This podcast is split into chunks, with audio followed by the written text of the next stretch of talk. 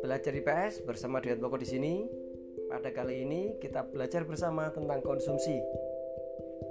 Namun sebelum itu, mari kita berdoa kepada Yang Maha Kuasa agar Yang Maha Kuasa memudahkan kita dalam memahami pelajaran serta menerapkannya dalam kehidupan. Berdoa menurut agama dan kepercayaan masing-masing. Dipersilakan.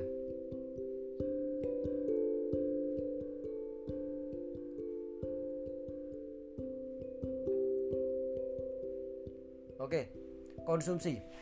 Konsumsi di sini saya tegaskan adalah segala tindakan yang menggunakan barang dan jasa untuk pemenuhan kebutuhan. Jadi, konsumsi sekali lagi, konsumsi adalah penggunaan barang dan jasa untuk pemenuhan kebutuhan. Jadi, tolong dipisahkan konsumsi yang sering kita dengar itu sering dikaitkan dengan makanan. Seksi konsumsi ujung-ujungnya makanan. Konsumsinya mana? Lagi-lagi makanan. Ingat, konsumsi di IPS adalah penggunaan barang dan jasa untuk pemenuhan kebutuhan. Nah, tujuan konsumsi pun berbeda-beda sebenarnya. Ada yang konsumsi yang untuk produksi, ada pula konsumsi yang aktif. Artinya konsumsi ya memang untuk dikonsumsi. Sebagai contoh, konsumsi produksi, konsumsi yang digunakan kembali untuk produksi adalah orang atau pihak yang membeli satu barang, menggunakan satu barang, tapi bertujuan untuk menghasilkan barang yang lain. Sebagai contoh, pedagang bakso dia membeli daging untuk diproduksi diproduksi menjadi bakso dan untuk dijual kembali. Beda dengan orang yang membeli daging sapi untuk dimasak dan dimakan sendiri. Artinya apa? Ini konsumsi aktif dan konsumsi produktif akan berbeda. Ini dari segi tujuan. Ingat ya, tujuan konsumsi ada tujuan konsumsi yang untuk produksi, ada tujuan konsumsi yang memang untuk konsumtif. Siapa pelaku konsumsi? Siapa konsumen yang ada di sekitar kita? Yang pertama jelas rumah tangga, rumah kalian, rumah saya, rumah tetangga-tetangga kalian itu adalah konsumsi, pelaku konsumsi, konsumen. Ada juga perusahaan. Nah, perusahaan kan menghasilkan barang, betul perusahaan menghasilkan barang, produsen, tapi dia juga melakukan tindakan konsumen, tindakan sebagai seorang konsumen. Jangan lupa, perusahaan juga membeli bahan mentah. Ingat, Membeli berarti dia juga berlaku sebagai konsumsi, sebagai konsumen.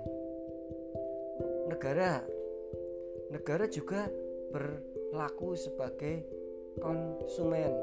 Dia juga melakukan tindakan konsumsi. Jangan lupa negara juga membeli bahan material untuk pembangunan jalan.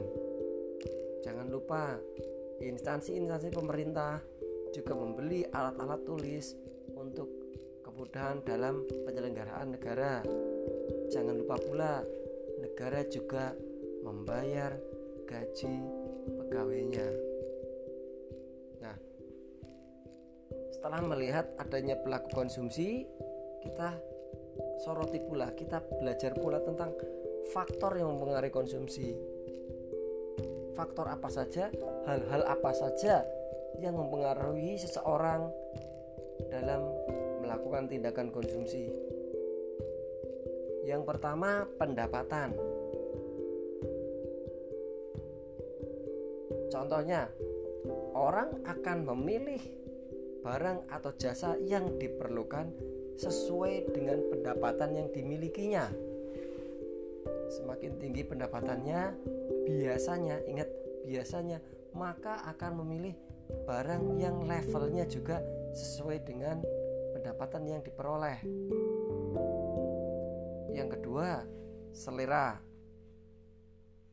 Ada orang yang seleranya yang penting nyaman digunakan, ada orang yang seleranya yang penting merek yang digunakan. Ini tergantung seleranya. Yang ketiga sikap hidup. Faktor orang yang mengerti dalam berkonsumsi adalah sikap hidupnya.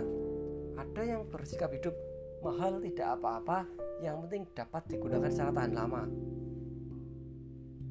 Ada yang bersikap hidup yang penting murah, namun bisa digunakan secara beramai-ramai, meskipun barang tersebut cepat rusak. Ini tergantung pada sikap hidup yang dipegang.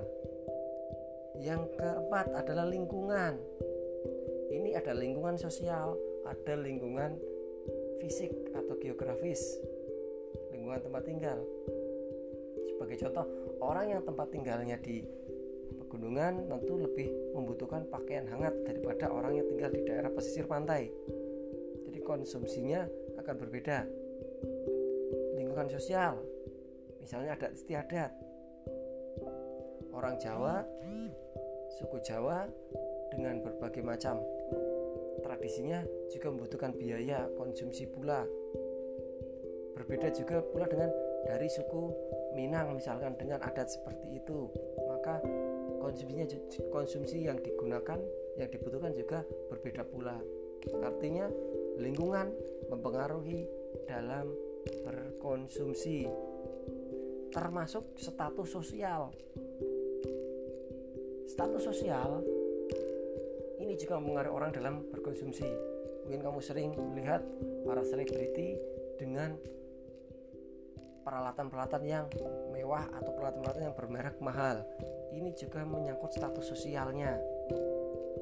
Ada yang berpikir, "Oh, status sosial maka akan menaikkan dalam harga tawar menawar suatu pekerjaan." Yang terakhir adat dan budaya nah tentu yang bisa singgung sedikit adat budaya masing-masing suku bangsa akan berbeda dan tentu akan mempengaruhi terhadap pola konsumsi yang diterapkan. Jadi ingat, hal-hal yang mengenai konsumsi yang pertama ada pendapatan, yang kedua ada selera, yang ketiga ada sikap hidup, yang keempat ada lingkungan, kelima ada status sosial, dan yang keenam ada adat dan budaya. Oke, semoga yang sedikit ini dapat menambah pengetahuan dalam belajar terus gali pengetahuan-pengetahuan dari sumber-sumber yang lain. Tetap semangat, tetap sehat, rajin beribadah, sukses bersama kita semua.